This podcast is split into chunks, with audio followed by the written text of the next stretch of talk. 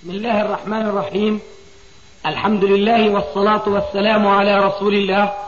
أما بعد فهذا أحد أشريطة سلسلة الهدى والنور من الدروس العلمية والفتاوى الشرعية لشيخنا محمد ناصر الدين الألباني حفظه الله. نسأل الله أن ينفع به الجميع. والآن مع الشريط السابع والأربعين بعد المئة على واحد. بحب فاصل مثلا. هذا زبون طبيعته فاصل بعطيه مثلا تعلم جمله بيجي زبون ثاني ما بفاصله بدفع له إياه فلان 10 دنانير. هل في في المعاملتين هذول يعني هل يجوز بيع هذا 8 دنانير ويجوز هذا بيع 10 دنانير؟ لأنه هذا ما فاصل؟ يعني تصير هيك؟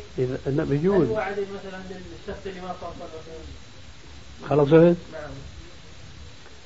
الجواب كما قلنا مرارا الرب واثق بك إنك ما راح تغرر فيه ما راح تعلق كلابتك عليه. فالربح ما هو محدود وهو جائز. شايف؟ فيجب هناك نلاحظ هذه الدقائق. يعني رجلان جاء عندك واحد بعته بثمانية مثل ما قلت واحد بعشرة. وهن اثنين غرب عنك. قلت له بعشرة ساومك الأول بعته بثمانية. إجاك واحد ثاني غريب عنك تماما. قديش بعشرة. تفضل هي عشرة. ما في مانع. لكن يجيك واحد واثق فيك إنك أنت ما راح تغدر فيه. ما راح تأخذ منه زيادة. آه فحينئذ علقت عليه أنت. هذا ما بيجوز. شوف هلا شو بصير بموضوع بيع التقسيط. بيقولوا بعض الناس يا أخي السعر محدد آه الربح محدد. بنقول له لا مو محدد. طيب ما دام مو محدد هل اللي بده يشتري بالكاش بربح منه بالمية عشرة. هل اللي بده يشتري بالتقسيط بربح بالمية خمسة عشر طيب ليش ما بتربح من اللي بده يشتري منك بالنقد بالمية خمسة عشر هي مو محدد. عرفت كيف؟ إذا نستغل كلمة مو محدد الربح في تسليك الحكم المخالف للشرع. يعني الأخذ مقابل الدين هذا ربا كما ذكرنا ذلك مرارا تكرارا. فهو بيقول ما دام الربا مو محدد أنا بشتري ببيع بالسعر اللي بيروق لي. معلش لكن ليش حددت السعر بالنسبة للكاش؟ وما رفعته مع أنه حلال. وبالنسبة للتقسيط رفعته مع أنه حرام. عرفت كيف؟ فإذا الصورة اللي أنت عرضتها جائزة بس نبعد عن قضية إيش؟ التغرير بالإنسان المسلم قيادة أمره إليك واضح؟ يعني تبع الكويت هذا لو إنه ما رفع الأسعار على نفس البضاعه مرة واحدة وسواها ببعضها لو أجت شحنه ثانية مستقبلا من بضاعه أخرى وحط فيها ربع 20% على التقسيط والنقدي لا لا ليس له ذلك. لا حول ولا لك يا أخي نحن هذا اللي عم ننظر له لبعيد. شو اللي دفعه يضع, يضع هذا السعر؟ هو كون السعر كون الربح في الشرع مباح وغير محدد ولا يخلص من مشكلة التفريق بين الكاش وبين التقسيط ها هو هذا. فإن كان يدفعه هذا ما استفاد شيء. ما استفاد هذا هو. طيب تجي على سؤال سمسرة في اصله هو وهذا أخذ المذهب بياع الزيت صاحبه.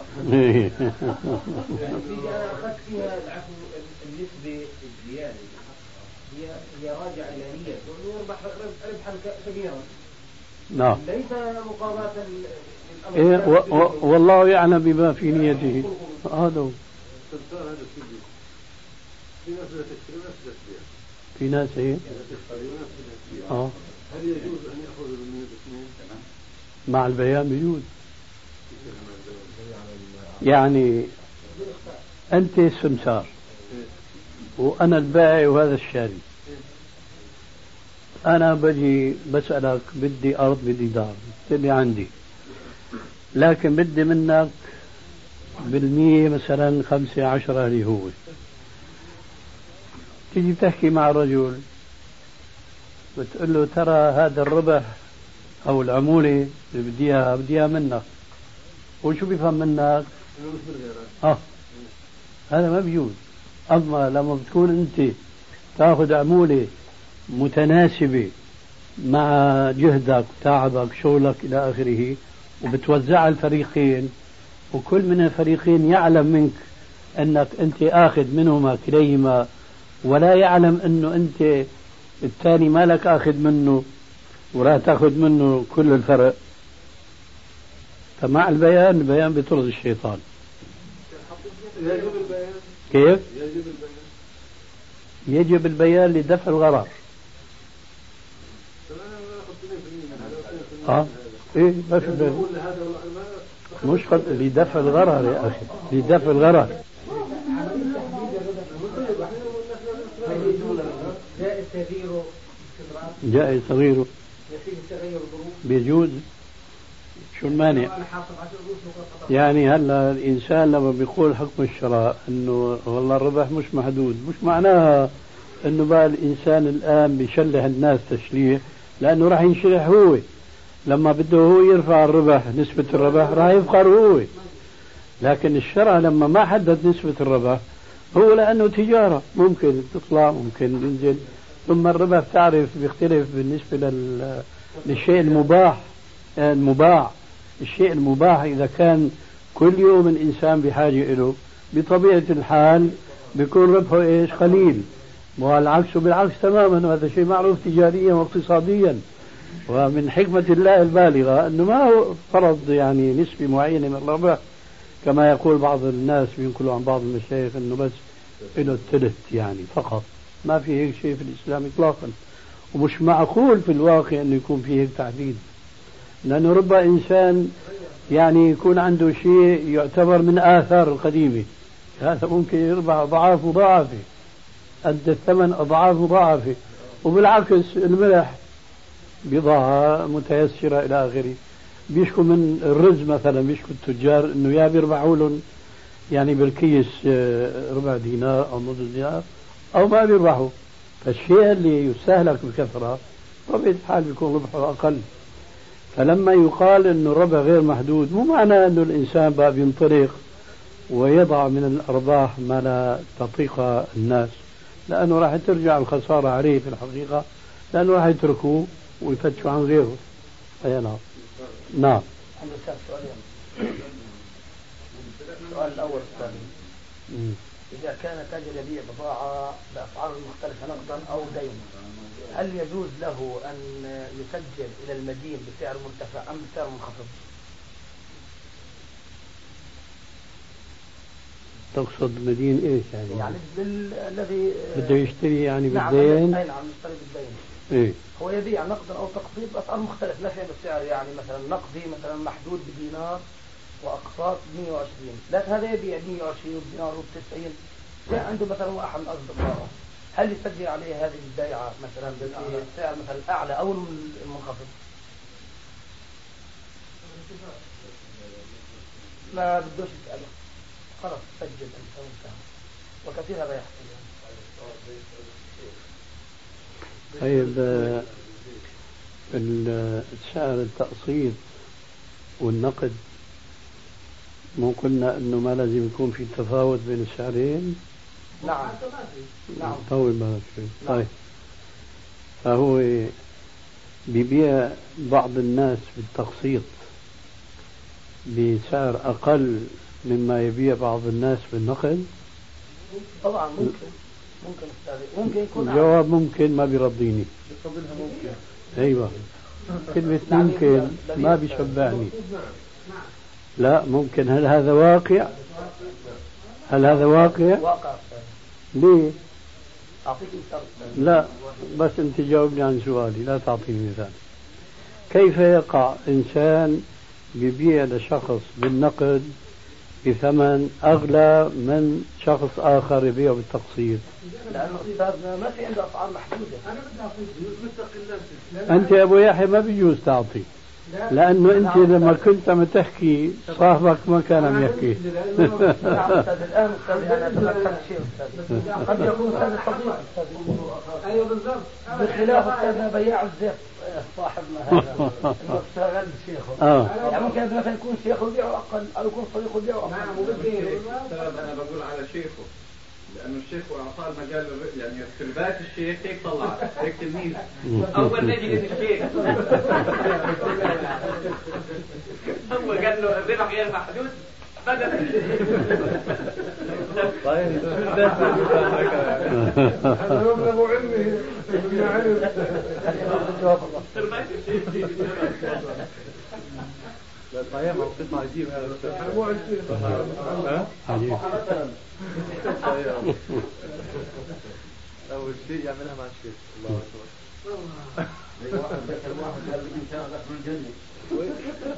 وإيش ردك عليه شيخنا لما قال لك هيك مش الرزق مش محدود؟ إيش كان ردك عليه؟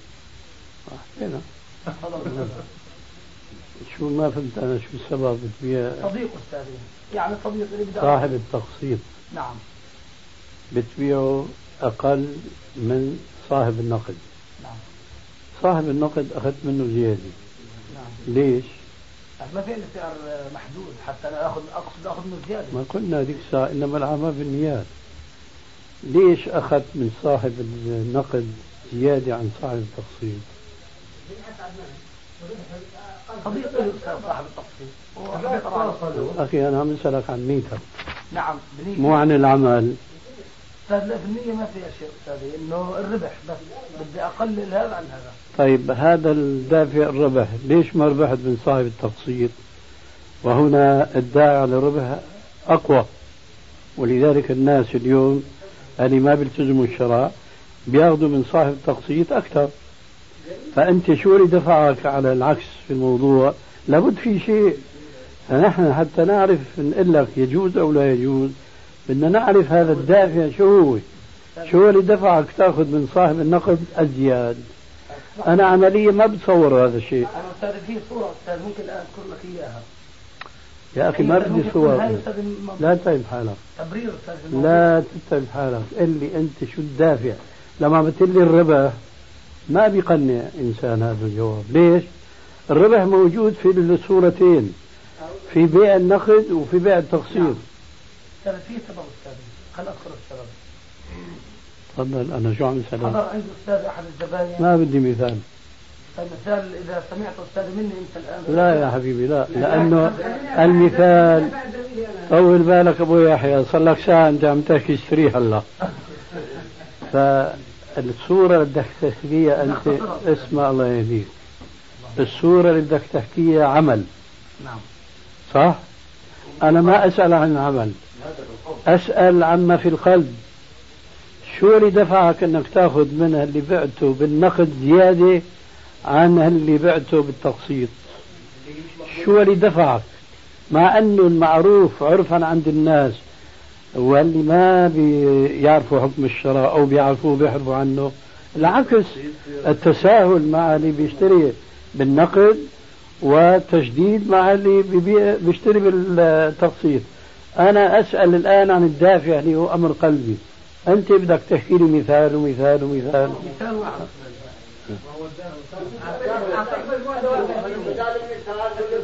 طيب خلي تفضل. الدافع قد يكون واحد من الحالات اولا قد يكون شريكي يعني وقد لا يكون. لا يعني واحد ما بفيدك شيء ما بفيدك شيء يا أبو يحيى. بس تقول قد يكون تقابل بقد لا يكون. فحين إيه، اسمح لي اسمح لي شوي لأنه مقصود تفاهم. لما بتقول أنت قد يكون كذا بقول لك أنا باعترافك بالقد قد قد يكون غير كذا. فبمسك هي أنا بمسك الغير. تحكي لي عن الغير. أي لا تحكي لي قد يكون إيش شريكي؟ جيب لي واحد اللي مو شريكك. لا أنت بدك إنه ليش بعت اغلى يعني. لكان أنا عم بقول لك أنا بعت ارخص شوف ها؟ هذا هو. هذا هو قلب الأمور اللي بنخاف منها تماما. أنا بقول أنا بقول أنا بفضل في قلبي يعني الشيء أنا اللي بعت بأرخص بالتخفيض لأنه عندي دوافع واحد. بيتعامل معي كثير بسحب عندي بالشهر ما ابو أبو يحيى ولا تاخذني علي يا همان. اسمح لي اسمح لي شوي. لوضح لك الكلمة. أنا واضح هدف بدي أربح بالمية عشرة. ولا بد يعني وبصورة عامة. طيب. بعت بالنقد ربحت بالمية خمسة عشر كويس؟ وبعت بالتقسيط بالمية خمسة. شو اللي دفعني إنه بيع بالنقد بالمية خمسة عشر أخذ منه ربح؟ لابد. وجاك مرتين. هي بذاتها هي مشكلة.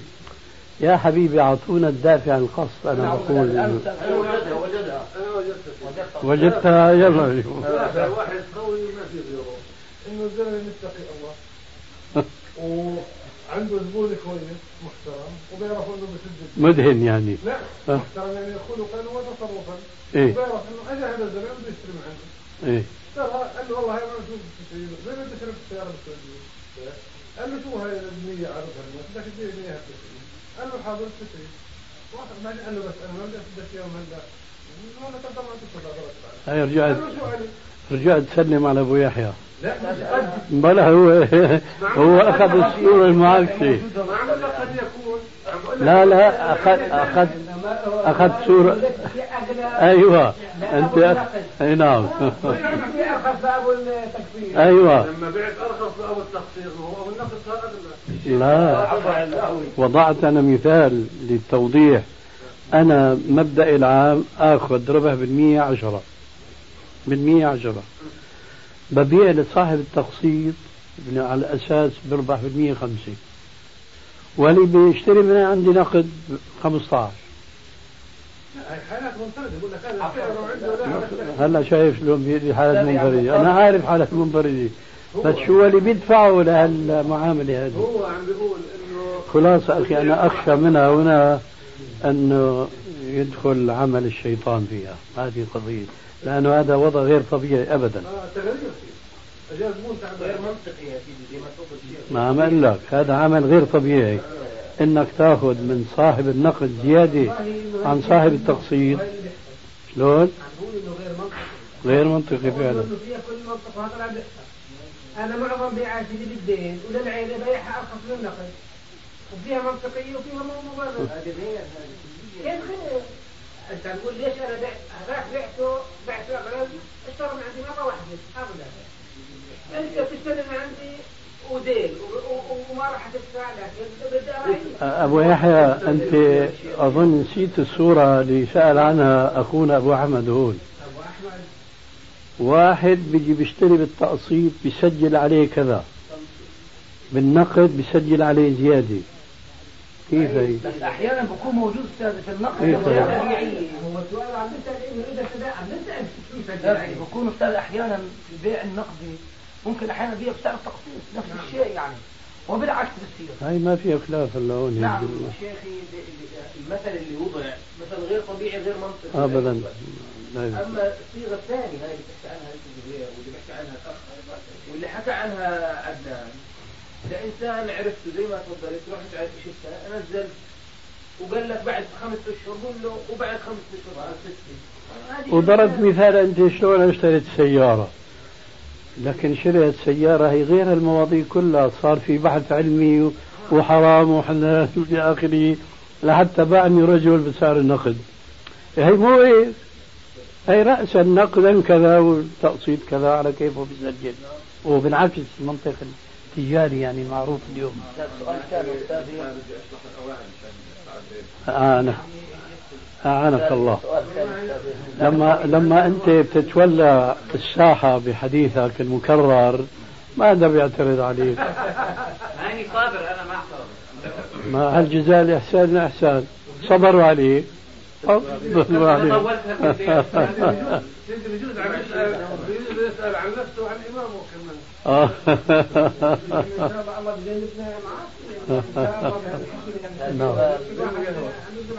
وبينك صبرنا على هيك شغله كمان فيها كفاره شايف الموضوع يعني حصل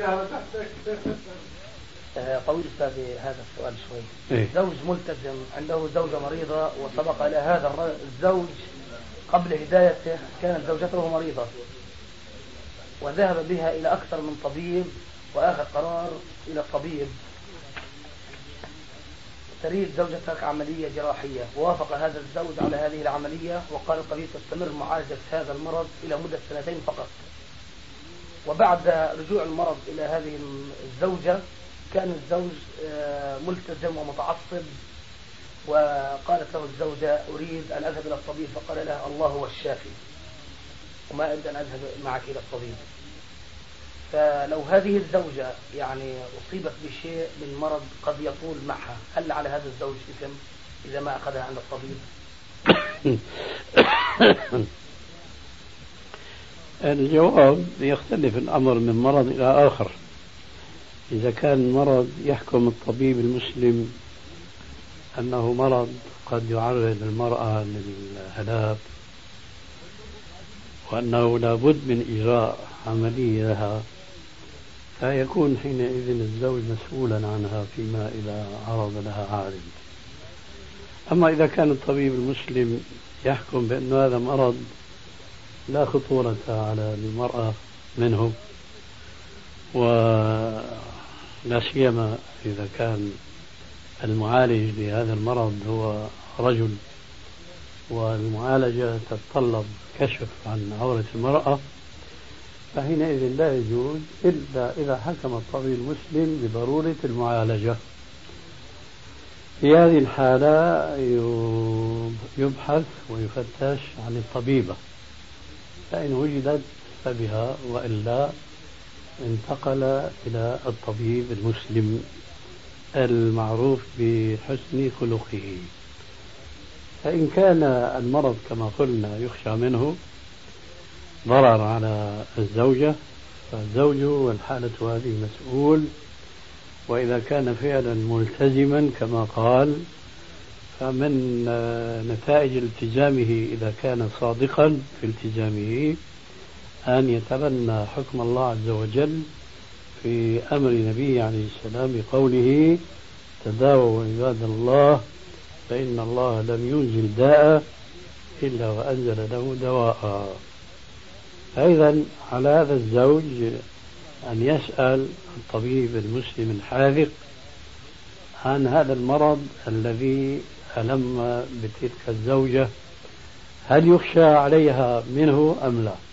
فإن كان الجواب يخشى فعليه فورا أن يأخذها إلى الطبيبة كما قلنا إن وجدت وإلا فإلى الطبيب. لعلي أجبتك وإياك. أنت ما اكتفيت لسه بدك تاخذ بتارك الظاهر من جماعة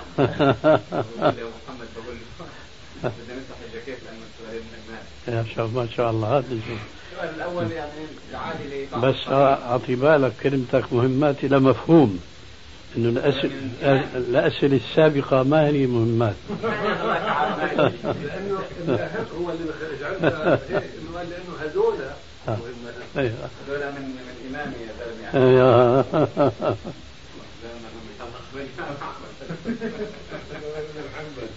لا إله إلا الله المساله الاولى موضوع اكل الذبائح المستورده واللحوم المستورده خاصه البلغاريه هذه والرومانيه كنا ذكرنا أو مره تحدثنا إحنا وياك عن موضوع الذبح في معادلة. بيأكد للأخ كل ما بقابله أو بيجي يصلي عندي بمسجد الأخ المسؤول عن هالشغلة بيقول لي شيخ يا أخي تذبح هذا موضوع لك الإسحاق ما شاء الله. اثنين نحن لا نعلم دين الذبح ولا نسأل عنه. تدريس إيه. الجماعة بتعرف هذا مصنع شغال 24 ساعة. يعني إذا قالوا لنا مسلم وهيدا هو مسلم بجوز بعد خمس دقائق يجي واحد ما نعرف إيش. لكن الأمر الذي يجب أن تتأكد منه ذبح الشيء صحيح في شغله اثرت انتباهي قبل كم يوم عندنا إحنا لحام ثقة. اشتري منه أنا صديقي مرت عليه قلت له اللحوم التركية قال لي والله يا شيخ بطلوا يجيبوها أصلا البيت كانوا يجيبوها يوم الأربعاء وقبلها أحد وبطلوا الان لا هو ترجمها ترجمة مما هم قال لي إنه بصير طلب شديد على هذه اللحوم لأنها تستهلك بكميات كبيرة. فيبدو الدولة يحسس إنه في ناس بينتظروا هذه اللحوم أو شيء بتسبب شيء من الضرر أو إنه اللحمة الأخرى ما بيمشي سوقها البلدي البلدي لا مش البلدي المستورد الاخرى التركيه والبلغارية. يعني فمنعوا. التركي وبيتركوا البلغاري. آه تعرف التركي بلاد إسلامية فبياخذوها الناس من شبكه بينما البلغاري والروماني فقال لي تعال أقول لك. قال لي أنا لحام صار لي 20 سنة وعن والدي لحام هذه اللحوم اللي الآن على الأقل معلقة عندي في المحل كلها مذبوحه قلت له موضع لبس السكين قال لي تعال خفيف فعلا يا أستاذ إنه واضح رقبتها مذبوحة وعليها دم مبين يعني بتعرف الدم اللي بتكون مكسور رقبتها فصل بتبين والمذبوحة بتبين. قال لي تعال اوريك قديش محل السكين مبين انها سكين ومبين أيضا إنه الذبحة الثانية قطعة الراس بتختلف عن الأولى. قطعة الراس بيضة لا. بينما الذبح فيه دم. قال لي شوف قديش في حوالي ستة دم على الرجل قال لي هذا بيأكد إنه الدم بتذبح بالسكين قلت أنا أيضا الأخ المسؤول أكد لي هذا الكلام مرارا. فنحن سؤالنا إنه هل هذه الذابحه تذبح بالسكين ونحن لا ندري هذا الذابح من هو. لا ندري مسلم نصراني شيوعي بنعرف الدولة شيوعية لكن الشعب له عقائد مختلفة. هل يجوز لنا نحن يعني أن نأكل مثل هذه الذبائح؟ والله عندنا شبهة يا في هذا الموضوع. يعني حقيقة نتردد فيه إيه ما سمعت رأي الشيخ سابقا عن جواب عن هذا السؤال. اللي ما بيخلي الإنسان يحوص وينوص يمين أو شمال؟ لا هو الشيخ يعني ما بمسكك لم تمسك معروفة يعني ما فيش لا بقول يعني ما سمعت جوابه سابقا. القاعدة من علم أنه يذبح ذبحا شرعيا فحلال لا إله إلا الله. لا خلينا ذبح بالسكين هنا الآن. يذبح بالسكين هي واحدة هذه الصورة اللي نقلت. بدنا على قد بدنا الجواب على قد السؤال. اسمع. الجواب واحدة من ثلاثة. من من علم أنها ذبحت ذبحا شرعيا وممن يحل أو تحل ذبيحته فهو حلال زلال ومن علم اختلال أحد الشرطين فهو حرام. ومن لم يعلم لا هذا ولا هذا فدع ما يريبك إلى ما لا يريبك. بس قلبك إذا هنا والله يا شيخنا ما فيها نقاش. نعم. ما فيها نقاش. ما في نقاش. زي ما هو بيقول يعني ولو كان الشيخ علي يعني بده يناقش. أنا بقول لا بده يقول. يا شيخ علي. تفصيل الكتابي هذا ما هو بده يحكي هلا. رغم إنه هو بيقول ما بتتركه إلا بتثبته يعني. آه. ما فيش. العدد العشرة يعني ما فيش. هذا ال- ال- الذابح اللي نحن لا ندري عقيدته ما بيكفي علينا إنها تنذبح حساب بان نسمي ونأكل. في شيخ أنا جاوبتك. جاوبت إنه ما بيكفي. لابد أن نعرف عقيدته من علم بأنه ذبح والذابح ممن تحل لنا ذبيحته فحلال. ومن علم العكس فحرام. ومن لم يعلم لا هذا ولا هذا فدع ما يريبك لما لا يريبك. يعني صرتين لا وصلت آه. لا أنا بقول الشيخ يستاهل. خليها نص النص الأقل. يعني ما بيجوز اكل أنا ما بقول لك ما بيجوز. يعني هلا تسألني بعد ما صرحت لك مرتين أو ثلاثة إنه في ثلاث احتمالات. اجعل لك الاحتمالات الثلاثة واحد. بدنا المدد من الاخ محمد بكيف عاش في هذيك البلاد وعنده فكره انه بس إذا بدك المدد من سيدي أبو محمد يمكن راح يخرب عليك أكثر مما خرب عليك الشيخ. يلا ما دام هو الاسم واحد يلا. السؤال هلا تجي الشرط هذا في الكتاب أو الشرط ماذا يشترط فيه يعني من تحل ذبيحته أهل الكتاب. يهود ونصارى يهودي أو نصراني. مثل متبع نبيهم مش متبع معتنق الشيوعية مش معتنق هذا السؤال مثل المسلم.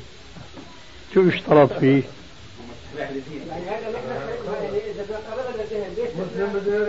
الاسلام آه عفوا. اسمع هوني عدنان شو بيقول؟ بني الإسلام على خمس. شو بتاني أنت. أنت أنت شو بتاني بإشارتك إلى هذا الحديث ما الذي تعنيه؟ يعني هو الذي إيه فيعني مثلا هل ما بيصلي وبيذبح ما بتحل ذبيحته؟ شو ما بعرف. مين جاب الحديث؟ أنا ولا أنت؟ قلت ان يكون مسلم أنا قلت مسلم. إيه مسلم. يعني مسلم. مسلم نعم. من هو المسلم؟ المسلم اللي بيمشي على ما بني عليه الاسلام إيه. هو هو هذا الجواب بس الظاهر عدنان بده يبعد شوي يعني. مش من عدنان طول بالك طول بالك هلا المعنى اللي أنت عم ترمي إليه يا ترى آه، لعله منه قوله عليه السلام المسلم من سلم المسلمون من لسانه ويده شايف كان جواب علي الآن أحسن من غيره.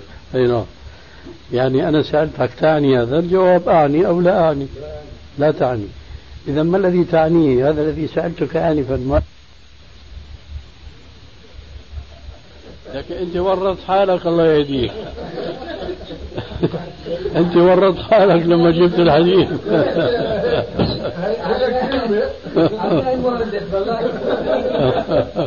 زي ما سيدي هذيك اليوم نحكي مع أحد المشايخ الكبار. فقلنا له سيدي هذا يقال إنه الشخص اللي بيقول لك إنه هو ولي لا ترد عليه. قال لي ما بصيرش تحكي الحكي هذا. قلنا له ليش؟ قال هاي الشغلات فيها اختصاص. شوف هي. اختصاص. اختصاص. هذه الأمور فيها اختصاص. أنا مهندس أنا والله ما باجي على العمارة وأقول هاي هندستها مش كويسة. لا بس لو جيت على العماره انت شفت العملات فيها لو ما انت مهندس طب ولو انك مش مهندس ولا عمري يعني يا والله خليت الواحد باختصاص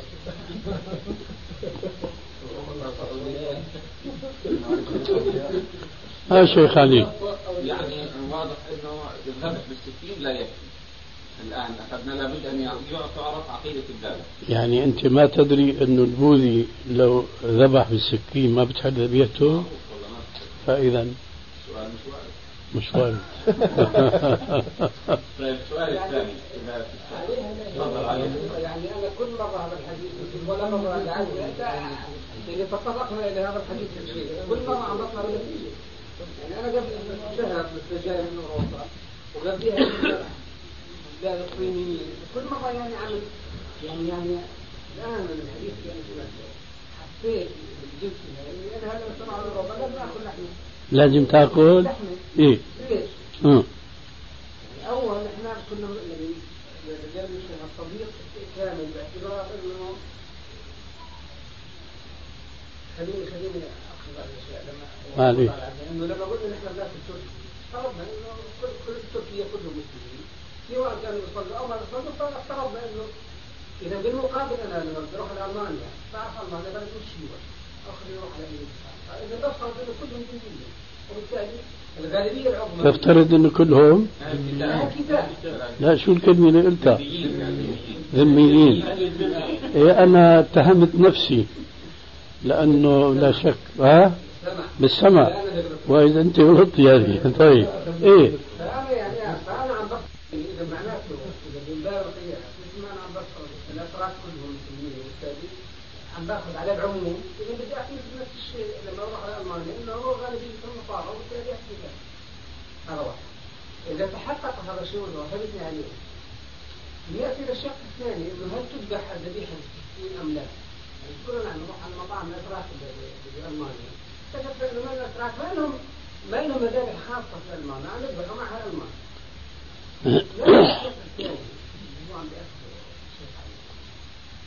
هم ما بيذبحونا نحن بالغالب عشان ما بيذبحونا نحن طريقة تخرج عن طريقة اللي يذبحوها لاهل بلادهم طبعا. وما بيخرج عن طريقة. لا لا لا هذا شرط. دليل انه قامت ضجه في البرلمان البريطاني مؤخرا انه في ناس في البرلمان طالبوا إن المسلمين يمنعوا من الذبح بطريقتهم يذبحوا على الطريقة المعلومه بنفس المسائل لا. خاصة. لا بس هذا لا يرد على كلام أبو يحيى. إيه نعم. الان الان اللحم الذي يذبح اما في بلغاريا ويذبح آه يذبح الكيفيه اللي إحنا الحل أنا نعرفها انه انه تاثير الرصاصه هذا اللي هذا اللي لا هذا الكلام اللي الذي صادر من الشخص المسؤول انه مش برصاصه وانما بساقه كهربائيه اما يذبح بالسكين قال لي هذا يقين يعني هذا شرط وحتى اليوم حتى اللحم الذي أنا بعد الله لحظه حتى ما نشد أنا في ايطاليا قعدت نتيجة عدم الامتناع عن اكل كذا فتطوع. ناس أخذني على محل مطعم معروف وصاحب المطعم قال أنا 20 سنة خبرت من بشتري لحم حديثا قال إحنا لا يمكن اطلاقا حتى نحكي فيه إلا ان تنجح حتى بعد ما تاخذ صاحب بعد ما تعالج لما يسموه ما عندهم رحمة من لكن لازم تجاوب أنا أذكر أنه نحن دخلنا في نقاش. وصلت نقاش طويل جدا من هذا عندي لحظه راح يكون واحتمال إنه ما تكون ساعه خاصه عندي هذا المعنى. لكن الآن يعني الذي وارد ما عدا ما عدا الجانب ما عدا الجانب خصوصا إنه كل الذبائح سواء اعطيت الساعة خاصه هو. أو الطاقه اللي تخدر الدماء مشان يقلل الألم أو ما شابه تذبح بعدين. ويحط فإذا تحقق هو كثير إنه على على العميان أولا هل يجوز لي أنا إني أفطر بفضيل حكيت إنه أفطر ضد الألمان.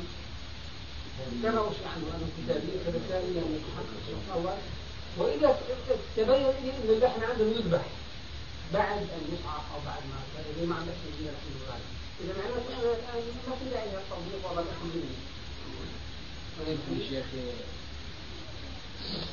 شو الشيء اللي أنت استفدته الآن ما كنت مستفيده من قديم الزمان؟ شلون كثير يعني؟ في هالمسألة هذه طول بالك شوي هل لأول مرة بتسمع هذا الجواب الموجد؟ هل دفعك إنك تحكي البيان هذا؟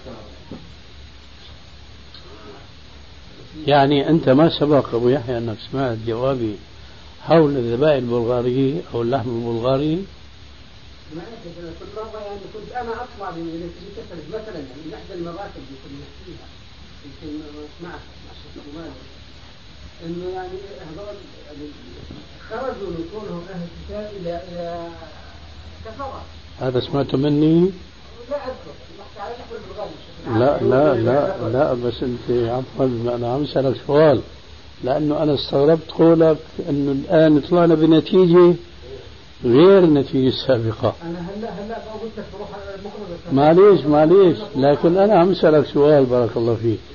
ما سبق إنك سمعت هذا الجواب فيما مضى من الزمان؟ أنا هي صارت عندي كليشي مدموع إنه بجاوب هذا الجواب. غريب جدا. آه. المهم أخي هلا أنا بجاوبك على كلامك أنت.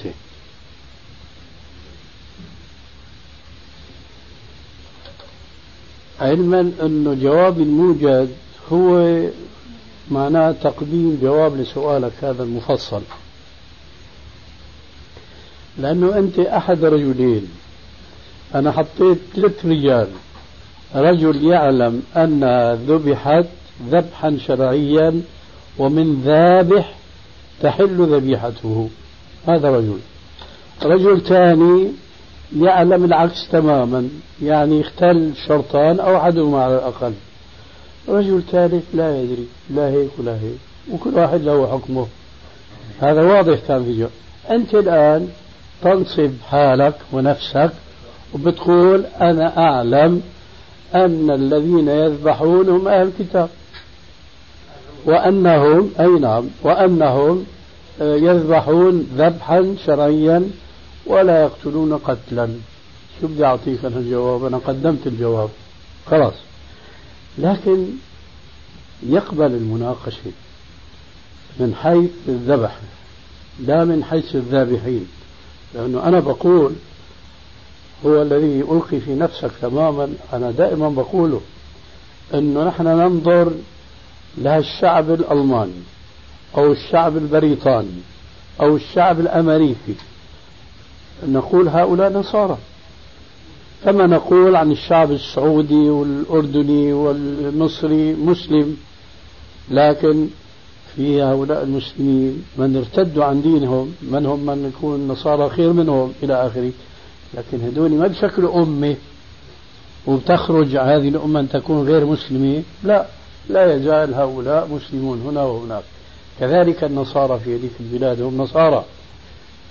لسنا مكلفين شرعا أنه نعرف هوية كل ذابح لكل ذبيحة يذبحها. هذا تكليف ما لا يطاق شرعا. لكن هذه الأمة أمة نصرانية. ماذا هو الظاهر؟ ما نتعمق بقى معرفة هويات أفراد الذابحين. نجي بعدين للذبح. الذبح إن كان أنت مقتنع أنها تذبح فعلا كما ذكرت عن ذاك التركي فأنت الذي ستدان أمام الله وتحاسب أنك أكلت ذبيحة وما أكلت قتيلة. لكن ممكن الإنسان يعترض على هذا البيان أو على هذا الحكم أن يقال أنه الألمان بيذبحوا على الطريقة الإسلامية وأعني شيئا لما أقول الطريقة الإسلامية. وهو إسالة الدم لأنه الطريقة الإسلامية ككثير من الأحكام الشرعية فيها ما لابد منه كما نقول بالنسبة للصلاة ركن وشرط وفي بعدين درجة ثانية فرض وفي وفي إلى آخره. كمان بالنسبة للذبح الإسلامي ما بيجوز إسلاميا أن تذبح الذبيحة أمام أختها. لكن هذه إذا ذبحت حلت مش حرمت. لكن حرم على الذابح أنه يذبحها أمام أختها وهي ترى وتنظر. آه. فنحن نقصد بقى الطريقة الإسلامية بمعنى أنها ذبحت أسيل دمها. أما ضربوها برصاص ضربوها ببلطة ما أدري يعني إيش في هناك صفات تروى. هذا ما بيهمنا. بيهمنا أنه هالتور ضربوها بهالبلطة وقعت أرضا ثم أسالوا دمها. سال الدم حلت. لكن فعلهم ما حل إسلاميا. تعذيبهم لها بالضرب هذا لا يجوز إسلاميا. لكن من حيث أكل هذه الذبيحة حل أكلها ما دام إيش؟ سال دمها. هنا بقى تأتي روايات مختلفة كل خلاف من حيث أنها تذبح أو لا تذبح.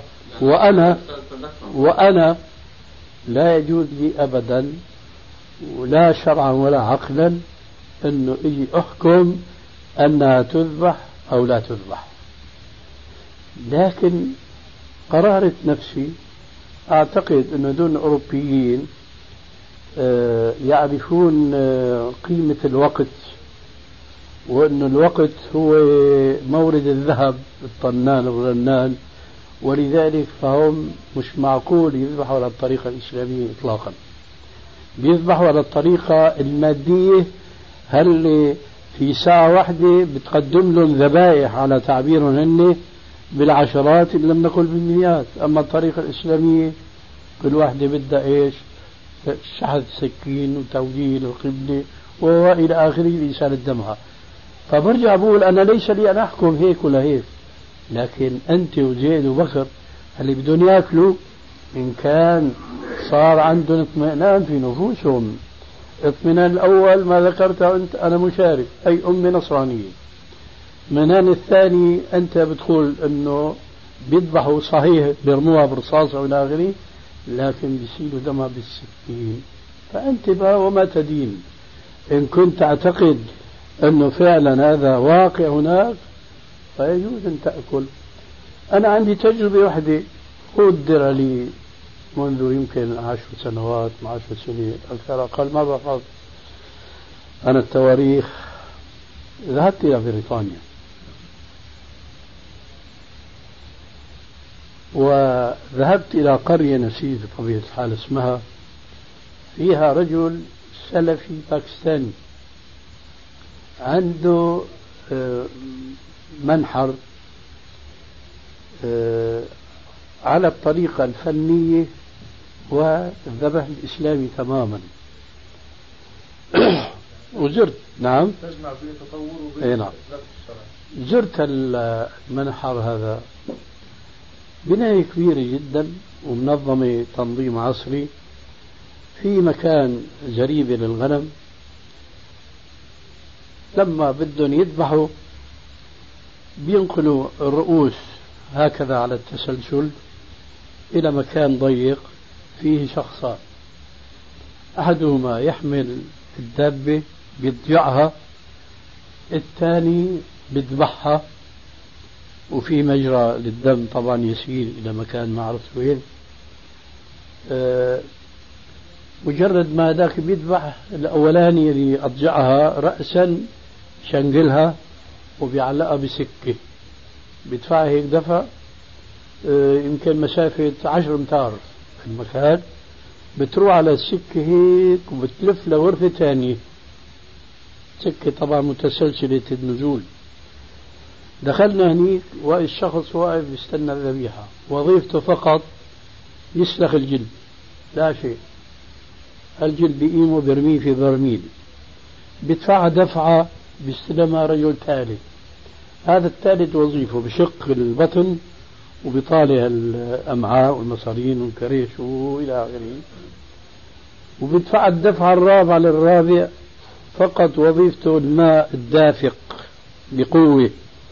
بصب على الذبيحة هذه تطلع نظيفة عم تلمع بيدفع الدفعة الأخيرة إلى الميزان بينوزن الذبيحة ويسجل إلى آخره قال لي هذا صاحبنا صاروا الإنجليز بيشتروا من عنده.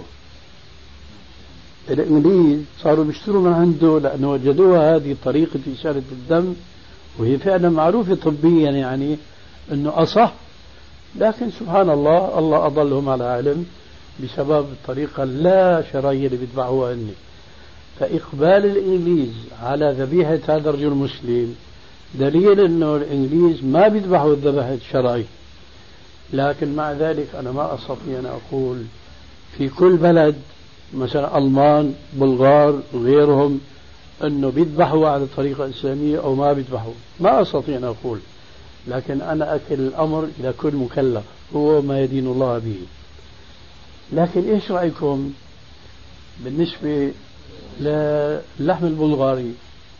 أنا سمعت أو قرأت لكنه خبر صحيح أنه نفس وزير أوقاف عبد العزيز هذا الخياط أعلن أنه الذبائح تجينا مذبوحة على الطريقة الإسلامية تبين لنا أن الأمر ليس كذلك. مع أنه هذا أمر عجيب جدا رجل مسؤول بيحاول أنه يسلك الأمور بأقرب طريق. بيجي بيعلنها معناه أنه هو اكتشف إيه يعني. ونحن من أجل هذا الشيء الذي اكتشف كنا نحذر ونقول من ومن ومن. واحدة من ثلاثة.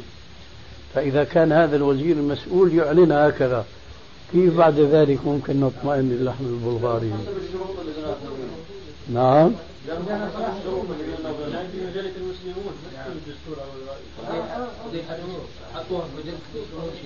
أيوه. مؤامرة اللحوم البلغارية أيوه. تأكيد تأكيد وهي؟ اللي من يدعون ما يريد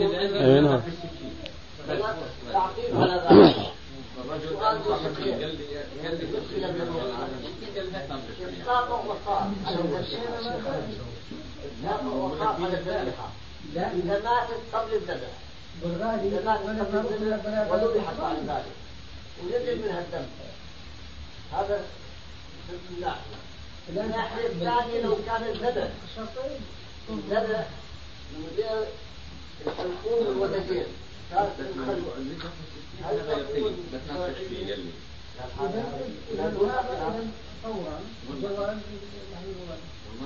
هذا سبق الجواب عليه.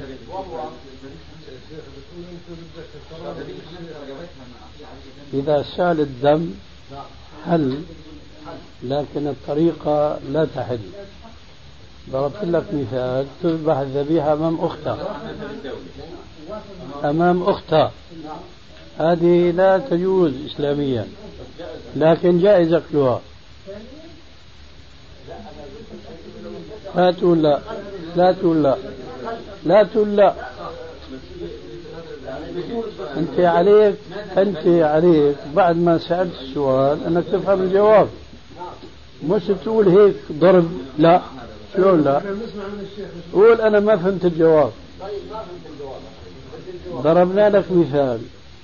أن الإسلام ينهى عن ذبح الشاة أمام أختها لكن إذا ذبحت حل أكلها. الله يهديك. هلا بدنا نحكي عن كيفية الذبح لأنه ما عرفنا شلون. لما بنقول ذبحت ما بتعرف شو معنى ذبحت؟ لا حول ولا قوة إلا بالله. لكن لو انت الشفا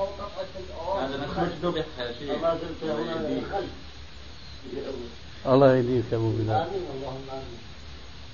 بقول لك ذكرت انفا أن الشاة إذا ذبحت أمام أختها لا يجوز شرعا هذا الذبح لكن هذا الذبح يحلل أكلها مفهوم هذا الجواب؟ مفهوم؟ السؤال تبعك هذا جوابه. يا أخي في شيء مشان يحلل الأكلة وفي شيء مشان يحلل طريقة ذبحه فطريق اسمع الله يهديك. اسمع فطريقة ذبحة من هون تعذيب للحيوان. مثل ذبح الشاة أمام أختها. لكن لما ذبحت حل أكلها. لكن الطريقة اللي ذبحت عليها طريقة ينهى عنها الشارع. سؤالك أنت تذبح من من فوق رقبتها.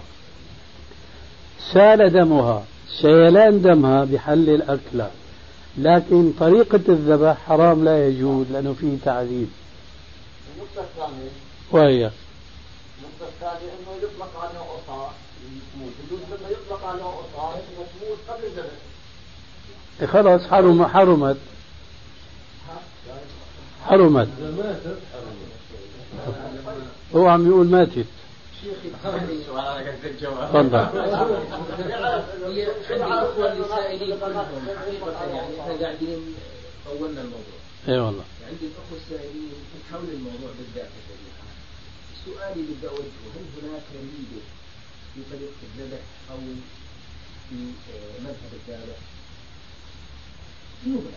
كل السائل اما يقول لعله اللي نقل شاهد مرة واحدة وده بيحصل شيء ثاني.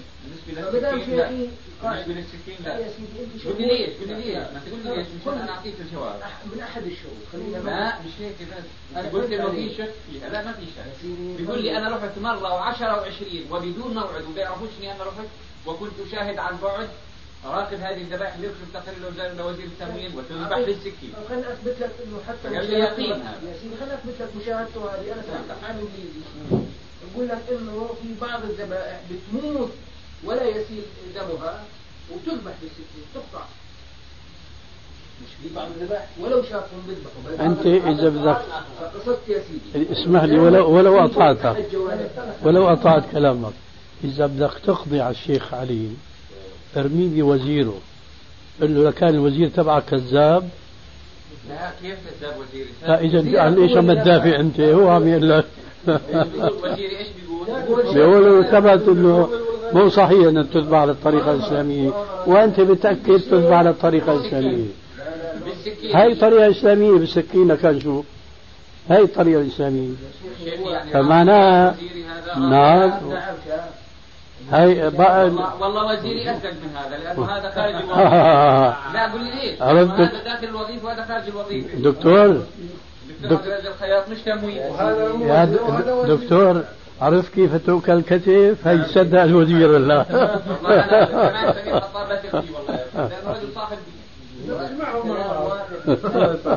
هل عملية إسالة الدماء حصل فيها التأكيد منه؟ لا. يعني تكون ممكن بحكي لك الحالة أنا سأله بقول لي في بعض الذبائح بتموت من الشق الكهربائي أو من الطلقة. معلش بس إحنا كان الشيخ السؤال هذا على الطلقة قال إذا كان الذبح بعد الطلقة بسرعة حتى تدفق الدم تدفق اي نعم هذا اللي بحكيه إنه في بعض الذبائح تموت. تموت. بالضبط انها بتموت من نتيجه طلقه أو شق كهربائي قبل الذبح أنا قصدت في أمر واحد انه هذه الشروط كلها احدها في عليه ريبه نعم. ودع ما يريبك لأنه بعد هذا طول بكل بالنسبة لفهم ايات الصفات ما شاء الله. اللي بيقرا وبيطلع على مذهب الصحابه والتابعين يجد إنه انهم مفوضون فعلا في فهم صفات الله عز وجل. ما شاء الله. و... زادك الله فتوح. الله يبارك لا يا ما تسمع لسه لسه إيه زي بيقولوا العيشه مشوفه آه. فيعني معظمهم لما كان يسأل عن هذا يقول يعني تفسيرها تلاوته أيوه يعني هذا صار عن ابن عيينة وغيره وغيره هذا. بس أنت كنت عم تحكي عن الصحابه نسيت ولا نسيت ولا إيه؟ عن الصحابة يعني مثل التابعين وال يعني يعني أفهم منك إنه ابن عيينة صحابي؟ لا. فإذا؟ الصحابه مش معروف إيش مذهبهم إلا التفويض بدون بيان بدون سؤال. هذا فهمنا منك بس شفت قفزت قفزة غسلان. صرت لعند ابن عيينة. يعني السلف. آه السلف. إذا لا تخصص الصحابة.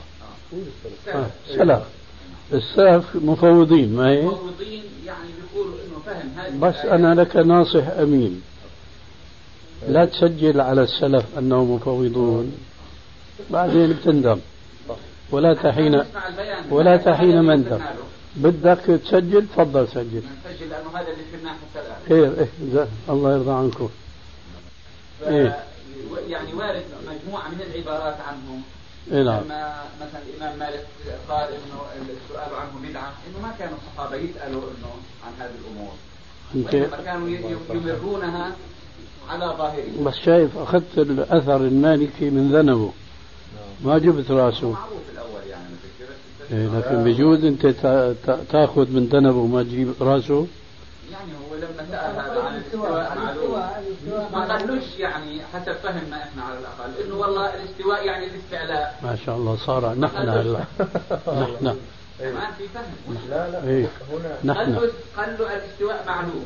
والكيف مجهول والسؤال عنه بدعة. فالسؤال سوى معلوم تفويض؟ هلا إذا قال له نعم معلوم. سؤال سؤال. نعم. قول الاستواء معلوم تفويض؟ تفويض معلوم يعني بالكتاب والسنة تفويض طبعا. ما قالوش إنه الاستواء يعني الاستعلاء زي إحنا ما بنفهمها. شو بيقصد معلوم؟ مجهول؟ معلوم لا معلوم مش مجهول. معلوم آه، آه، لفظا بالقرآن والسنة كما جاءت في الأسماء والصفات في القرآن والسنة ومعنى. على لفظها. طيب. ومعنى؟ معلوم. معناه مجهول؟ لا ما ما عملتش معلوم مجهول. هايك بدي اياك طيب. والتفويض معناه العلم؟ العلم طبعا.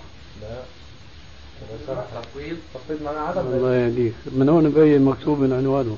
ليه؟ ألف لام ميم. يعني التفويض التفويض معناه فهم وعلم يعني ولا عدم علم. لا هو طب بقدرش أنا أقول عنه جهل بقدرش انسب هذا المذهب يعني كلمة جهل للاصحاب أنا ما الجهل هو لا هو خايف يوقع نفسه. طبعا عدم علم يعني يساوي جهل. اذا يساوي علم؟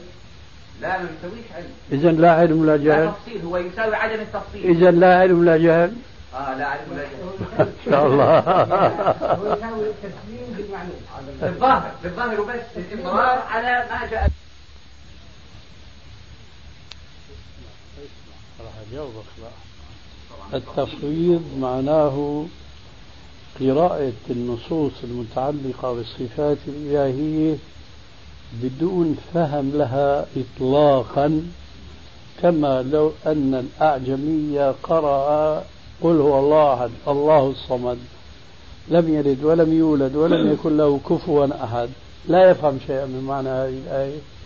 وبيكل الأمر معناها إلى الله تبارك وتعالى. هذا معناه التفويض فهو يسلم بأنه هذه آية أو سورة من القرآن. لكن إيش المعنى لا أدري. أمرها إلى الله تبارك وتعالى. هذا التفويض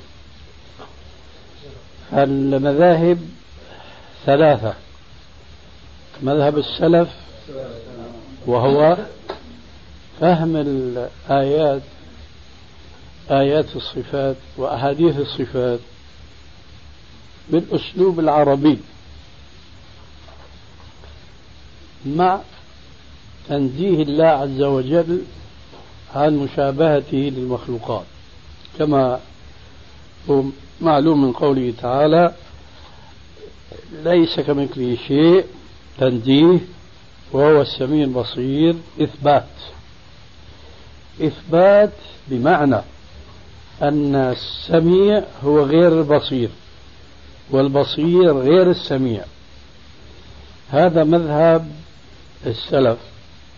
وفي هذا المثال والخلف أيضا. لأنهم يفسرون السميع البصير على تفسير السلف تماما ولا يفوضون. هذا المذهب الأول وهو الإيمان. تتمة الكلام في الشريط التالي. المعروفة لغة مع تنزيه الله عز وجل فيها عن مشابهته للمخلوقات.